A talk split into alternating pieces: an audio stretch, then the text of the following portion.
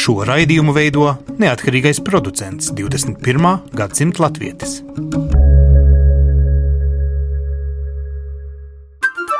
Lai kur mēs būtu, Lai kur mēs būtu, Lai kur mēs būtu, Lai kur mēs būtu, Tie esam mēs. tie esam mēs. mēs. Tie esam mēs. Mēs!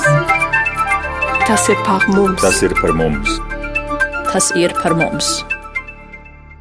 Sveicināti raidījumā 21. gadsimta latviešu. Šodien spriedīsim par to, vai simtsgades kontekstā visās iespējamās Latvijas malu malās un pasaules malu malās ir jāatstāj kāda īpaša piemiņas zīme. Patiesībā šo raidījumu ierosmi manī vismaz radīja apņēmība, un man liekas, jau, nu, varētu teikt, gandrīz jau izdarīts darbs, atlicis vēl tikai mazai kaķa astei pārkāpt pāri, proti apņēmība, ka Zēdelgems, nu, šajā leģionāra nometnē, kas ir viena no lielākajām otrā pasaules kara nometnēm, kas attiektos uz latviešu leģionāriem, tiks atklāts eh, būtībā otrs brīvības piemineklis. Piemineklis brīvībai Zēdelgemā, Beļģijā, kur diezgan daudz tūkstoši Latvijas jaunu puišu pabeidza savu pieredzi otrā pasaules kara laikā. Okupācijas eh, muzeja biedrības vadītājs Valters Nolendorfs ir šeit studijās. Sveicināt, Valter! Jūs esat Labrīt. eh, ierosmes un idejas autors, arī šīs lietas virzītājs. Daudzus gadus pie šīm piemiņas vietām, eh, lai kur mēs, latvieši, arī būtu, ir strādājis arī mācītājs Klaus Bērziņš, Latvijas Lutāņu baznīcas Vācijas apgabala prāvests, bet Rīgā eh, mācītājs eh, ārpus latviešu eh, Latvijas Lutāņu draudzēji. Un savukārt Kristaps Gulbis ir autors šai skaistajai piemiņas zīmei, kuru principā, kas interesanti, un Kristap, tur es gribētu uzreiz izskaidrojumu dzirdēt, nu tā nostāsts ir par brīvības pieminekļa atveidu, ko Zēdelgems šajā nometnē cilvēki bija izveidojuši, lai godinātu Latvijas neatkarību, svinot 18. novembrī jau pēc okupācijas. Tas ir gājis zudībā. Jūs tādu atveidu ņēmāt galvā un uztaisījāt stropu. Kāpēc šī stropa ideja? Ko viņa, jūsuprāt, raksturo par latviešiem Beļģijā vai par mūsu vēsturi Rietumē Eiropā? Es domāju, ka var saskatīt diezgan daudz līdzības starp bitēm un cilvēkiem. Ja mēs paņemam bišu stropu, kurā minimums ir 15, 12 tūkstoši bites, ja, pēc būtības tas ir viena valsts, viena armija. Ja. Un līdzības eh, starp nometni un notikumiem, kas bija Beļģijā, Zēdelgamā un bišu stropu, mēs varam saskatīt ļoti daudz. Ir.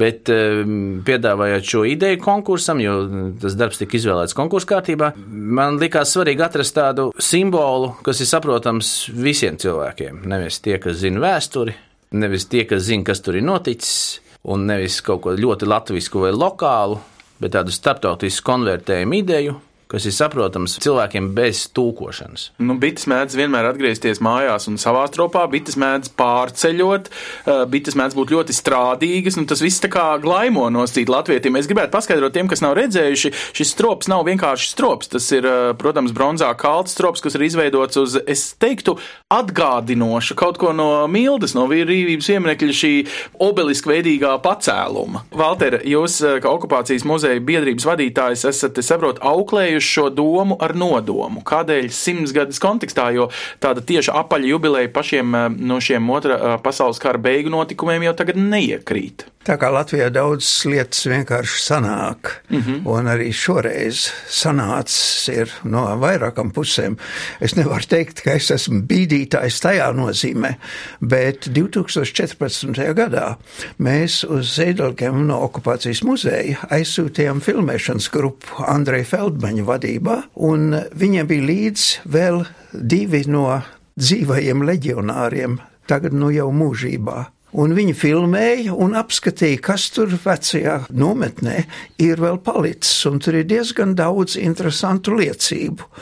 Un tās filmēja, un Andrejs Feldmanis izveidoja viens stundas filmu par Zēdelgemu, kur arī mēs lietojam ne tikai šīs filmēšanas materiālus, bet arī materiālus no mu- muzeja krājumiem, piemiņas lietas, dokumentus un it sevišķi bijušo leģionāru Zēdelgemiešu liecības.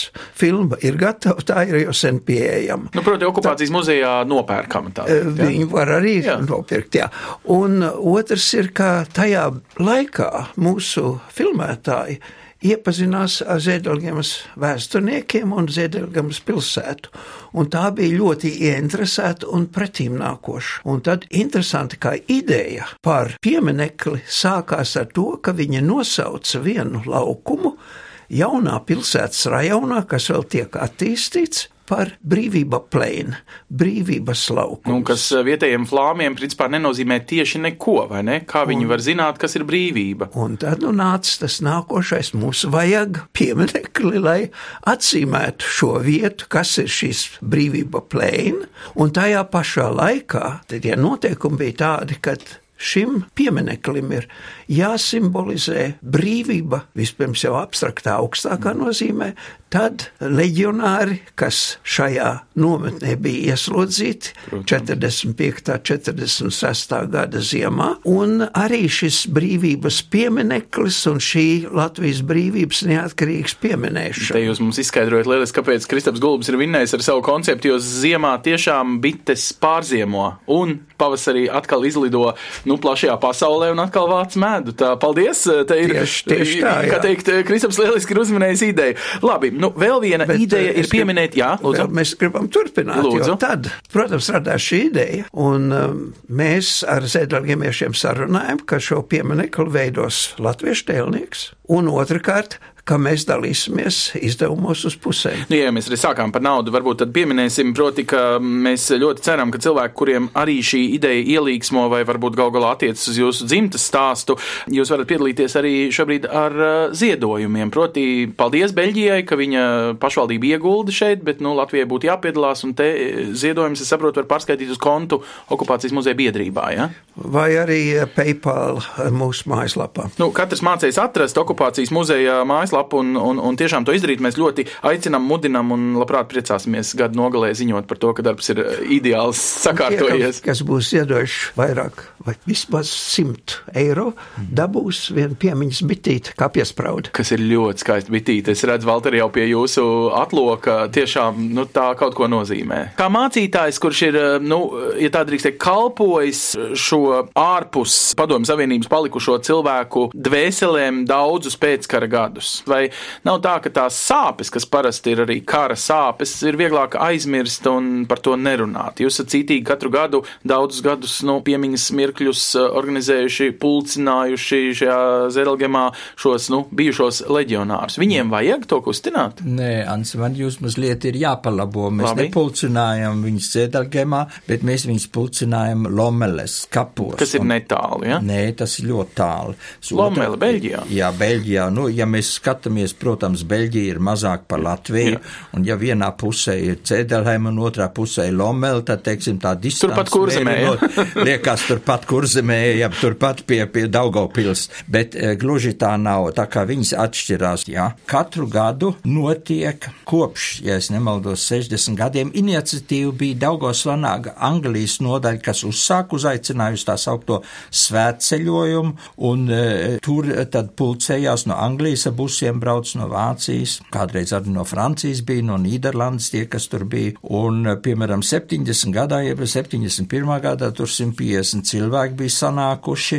Arī apmēram kopš tā laika es tur braucu, kaut gan kopš es esmu kā garīdznieks, kā diakons un vēlāk kā mācītājs ordinēts, es kopš 85. gada tur regulāri katru gadu esmu braucis noturēt svētbrīdi, un mēs likām to termiņu tieši jūnijā. Kāpēc? Tas mazliet mazliet ar bitītēm saistīts, ah. varbūt. Tāpēc, ka viss jau nevarēja atgriezties un viss latvieši izkaisīja. Mums jau tāds teiciens bija, mums bija aizvest to piemiņas dienu.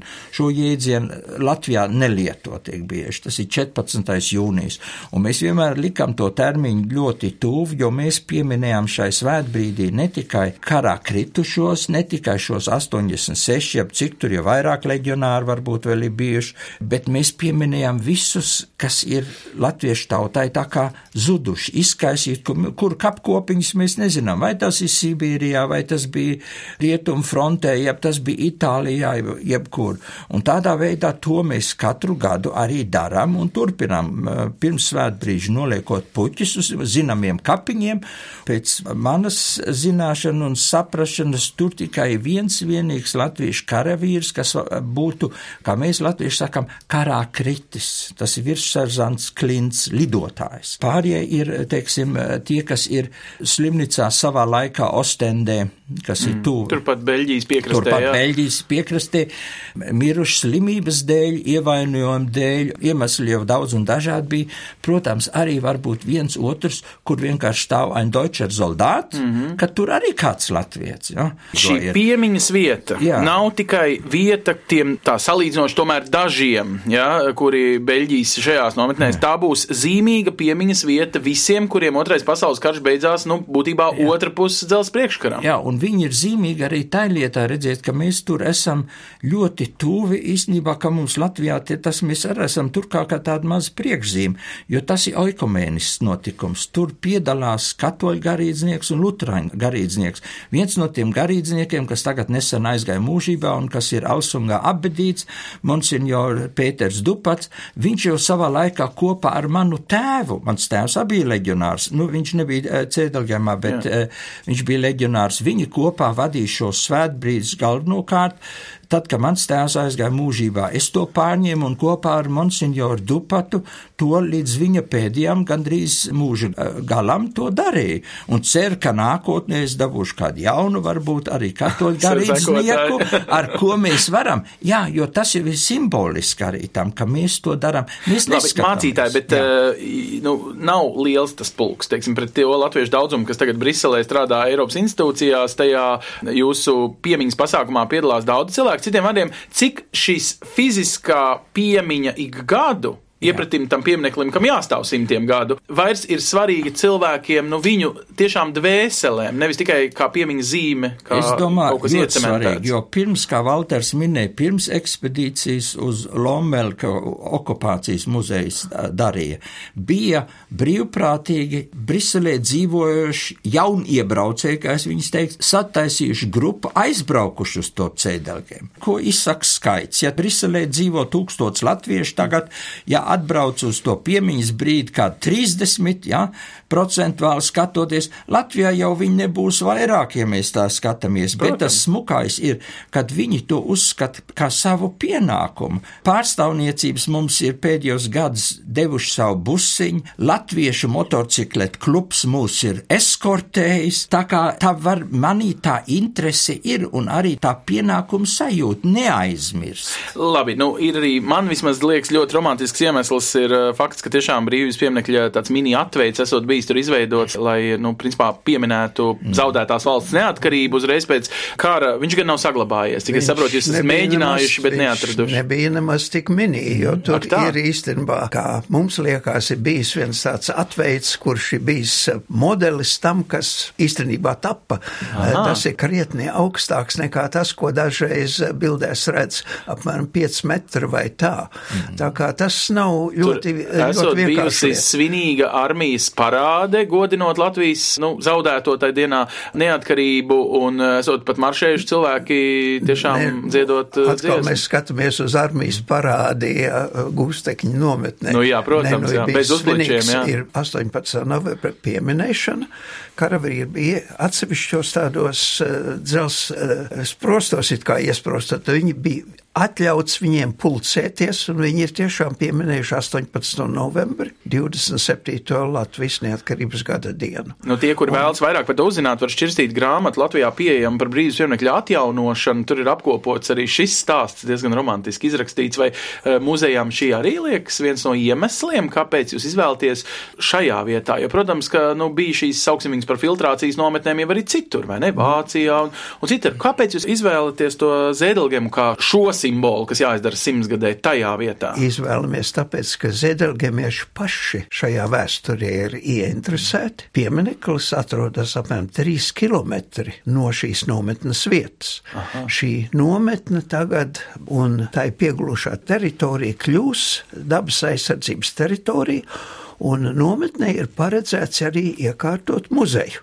Ne tikai par nometni, bet arī, kur būs parādīt leģionāru, leģionāru stāsts. Tā tad sava vecvectētiņa leģionāra stāstu turpmāk cilvēki varēs nevis izjust tikai nu, ekumeniskā dievkalpojumā reizi gadā, bet pats bā izzināt tādā nu, novadpētniecības muzeja vietējā ekspozīcijā. Tas ir tā paredzēts, un mēs domājam, ka tā būs tā dzīvā atmiņa, kas arī turpināsies. Vai tur būs arī latviski izskaidrotas bet, lietas, ja vairāk tā kā vietējai publikai flāmu, franču, angļu, vācu valodās? Bet vai nav svarīgi, ka mūsu stāsts nokļūst caur citu mums labvēlīgi, simpātiski noskaņotu cilvēku, Zēdelgamas flāmu cilvēku, caur viņu uh, interesi nokļūst plašāk?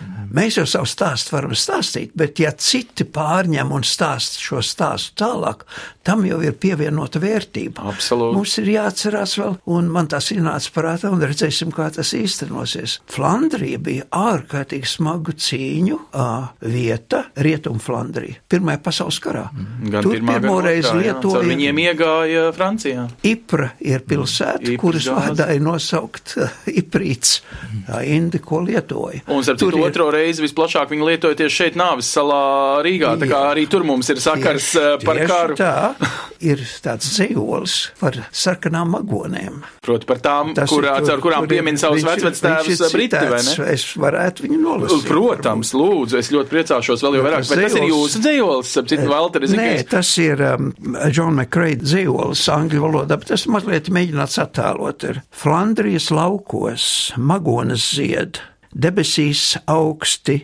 cīruļi dzied spītējot kara dārdoņai spalgai, vietā, kur rindām krustojas krusti, pieminot mūs, kas mājās vairs nepāries. Jā, un, un, šis eh, noteikti. Viņam patika Latvijas bites, Flandrijas magonē.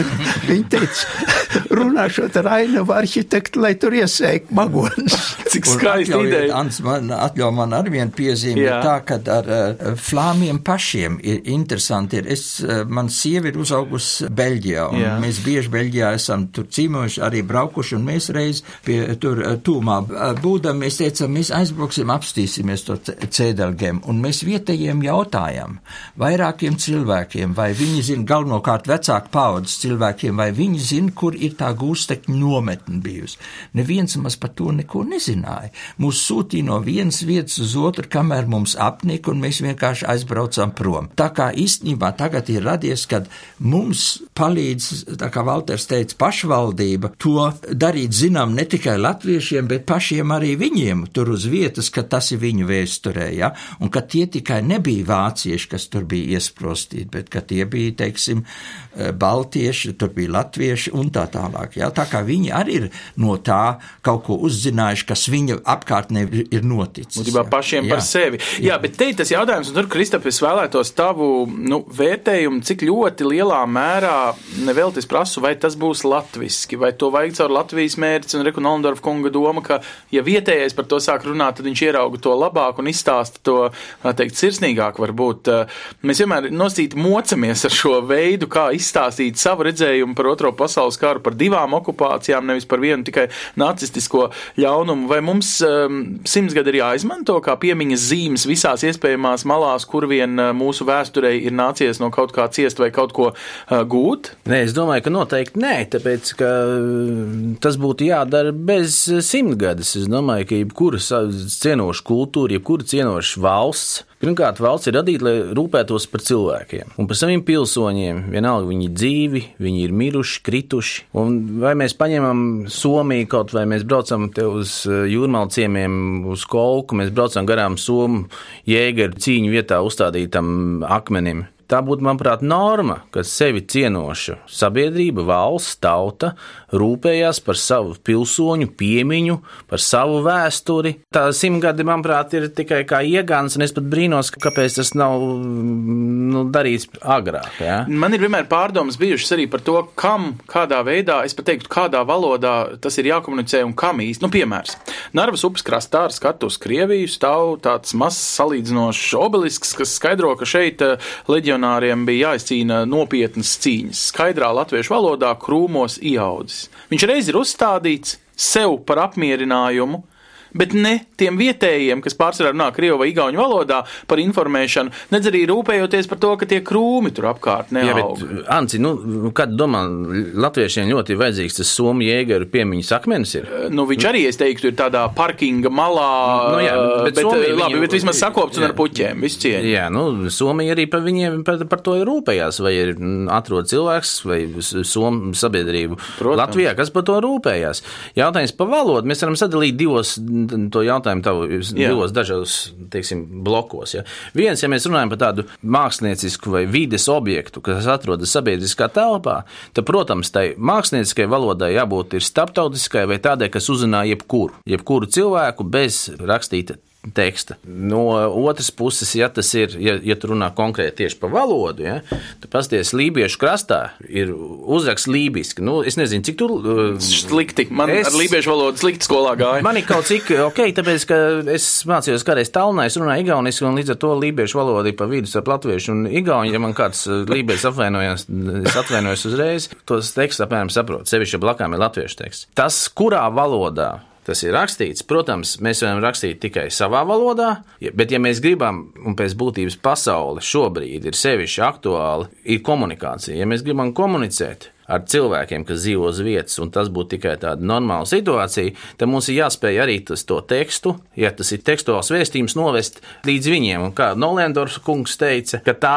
vai jūs teicāt, ja, par to, ka vietējā sabiedrība atbalsta, iesaistās. Tas ir svarīgi, ja, un, un kā jūs teicāt arī par to, ka Beļģijas pašvaldība piedāvāja šo projektu, viņi nāca ar iniciatīvu, un tad no, no šīs iniciatīvas radās arī viņu pašu interesi par to vēsturi. Tas ir, manuprāt, tas mēķis, kādai vispār būtu jābūt komunikācijai starp tautām un valstīm, ne tikai konkrēti runājot par vienu konkrētu piemiņas vietu. No šīs idejas atsperoties, es gribu jums prasīt, Nondorf kungs, jūs redzat, ka latvieši paši ir ieinteresēti tā godīgi tajā pasaules vēstures kartē. Piemēram, šī jūsu līdzība, ko jūs sakat par nu, Pirmā pasaules kara asiņainās kaujas notika brīdī, kad faktiski ziedēja uh, tur uh, Lamanša piekrastē šīs magonas. Kopš tā laika šis simbols ir gan Britiem kaut ko nozīmē, Visā gan, gan Britu kopvalstī, jā. Bet latvieši pat nezina, kāpēc Briti sprauž to magoni par notikumiem, kas notika pirms simts gada. Cik daudz mēs esam iejūtīgi pret pasaules vēsturi, lai prasītu šo iejūtīgumu, šo sapratni par mūsu tiem notikumiem kontekstā. Mēs esam nākuši no daudz komplicētākas vēsturiskas situācijas.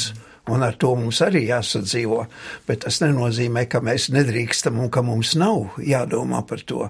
Bet mums ir ļoti grūti, varbūt vienā otrā gadījumā, realizēt kaut ko. Kur tad ir mūsu leģionāri pieminēti Latvijā? Tā ir Lestens kapsēta. Un faktiski tikai. Jā, un Lestens kapsēta ir kapsēta. Un gods, ka tur ir tik daudz latviešu leģionāru pieminēti. Bet tagad, nu, ironiski, ārpus Latvijas būs šis piemineklis, kas pieminēs tos leģionārus, kuri parādīja, ka viņi nekaroja pret rietumiem.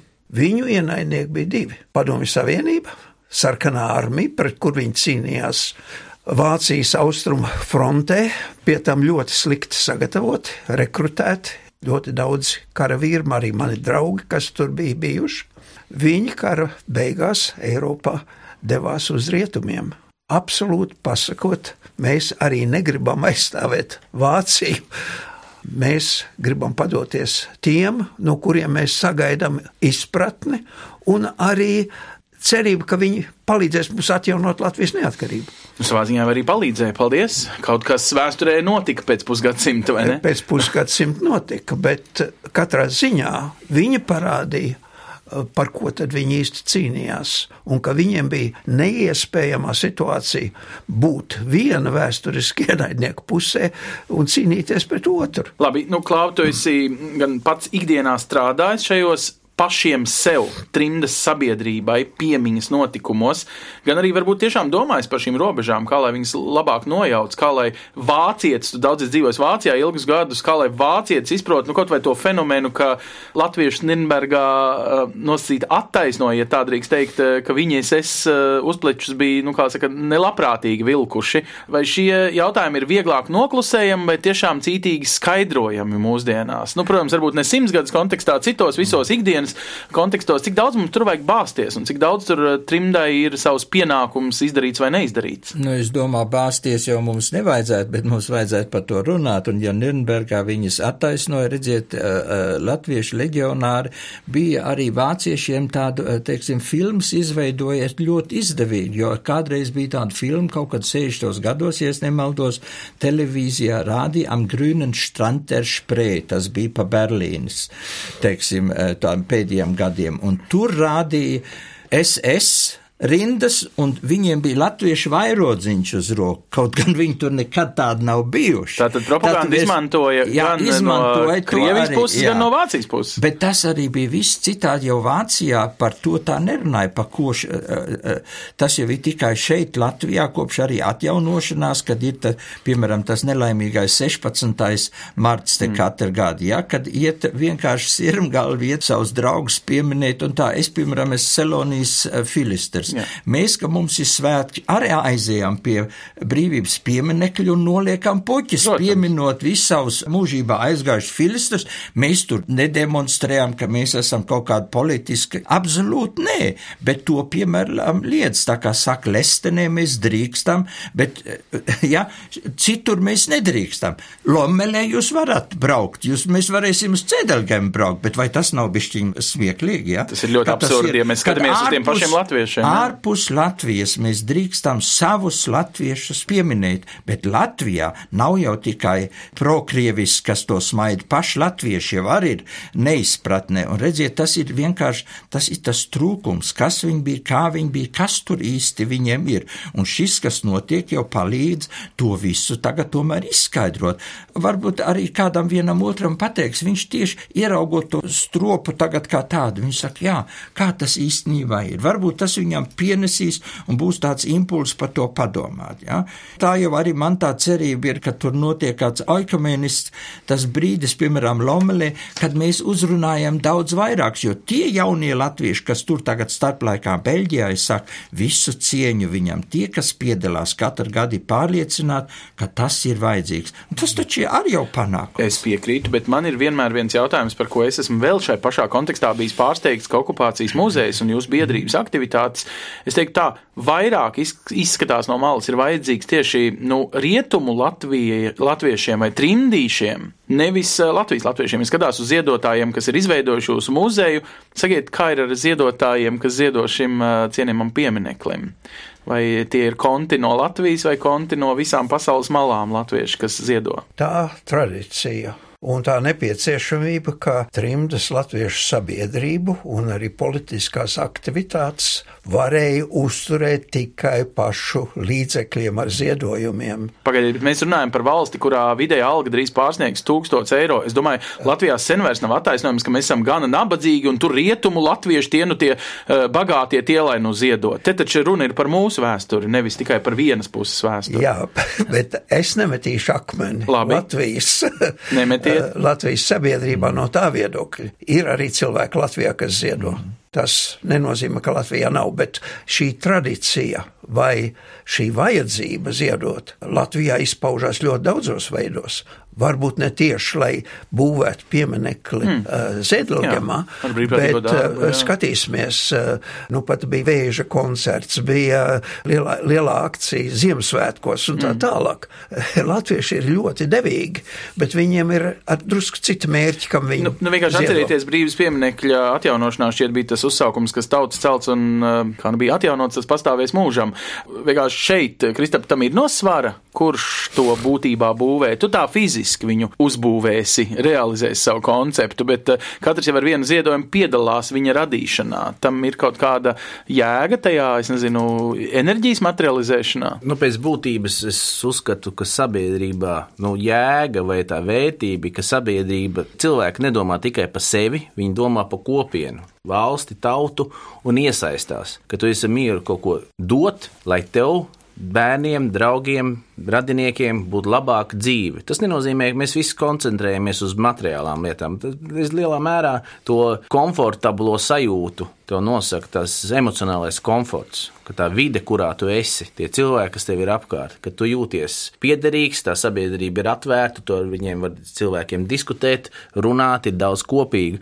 Līdz ar to, protams, ka jo vairāk cilvēki piedalās vienota mērķa sasniegšanā, jo tas mērķis apaug ar atbalstītājiem, ar domām, un viņš ir arī vērtīgāks. Nu, protams, un kā ir Nondorf kungs, šī piemiņas zīme tiks atklāta kādā zīmīgā datumā šī gada otrā pusē. Un, septembra beigās pat labam ir runa par vienu vai diviem datumiem septembra beigās. To mēģina saskaņot arī ar Latvijas vēstniecību. Latvijas taustrops, kad viņu atklās septembrī, nu, varbūt būs tāda tiešām zīmīgāka vieta ārpus Latvijas, gan tām komunām, kas tur piespiedu kārtā otrā pasaules kara dēļ, vai tagad dodas ārā no Latvijas, lai jā, piedzīvotu savu valsti. Kristap, kā tu jutīsies tajā dienā, septembra nenoteiktajā datumā? To es tad nevaru pateikt, kā es jutīšos. Es, es, es ceru, ka es jutīšos, kāpēc labi padarīt darbu. Bet eh, jautājums par to, kas notiks, kā būs, vai tur kaut kas būs, vai cilvēki pulcēsies vai nepulcēsies. Nu, iedomājies, tu uzprojektē parku. Bieži es redzēju parku. Tu uzliec celiņus, arhitekts sazīmē celiņus, un tad cilvēks sāk staigāt kaut kur, viņi iestaigā tās takas, tā kā viņiem tur ir ērtāk. Ja? Respektīvi, tā sabiedrība, tas nu varbūt nozīmē, ka tas projekts varbūt nav īpaši veiksmīgs vai, vai, vai kā, ja?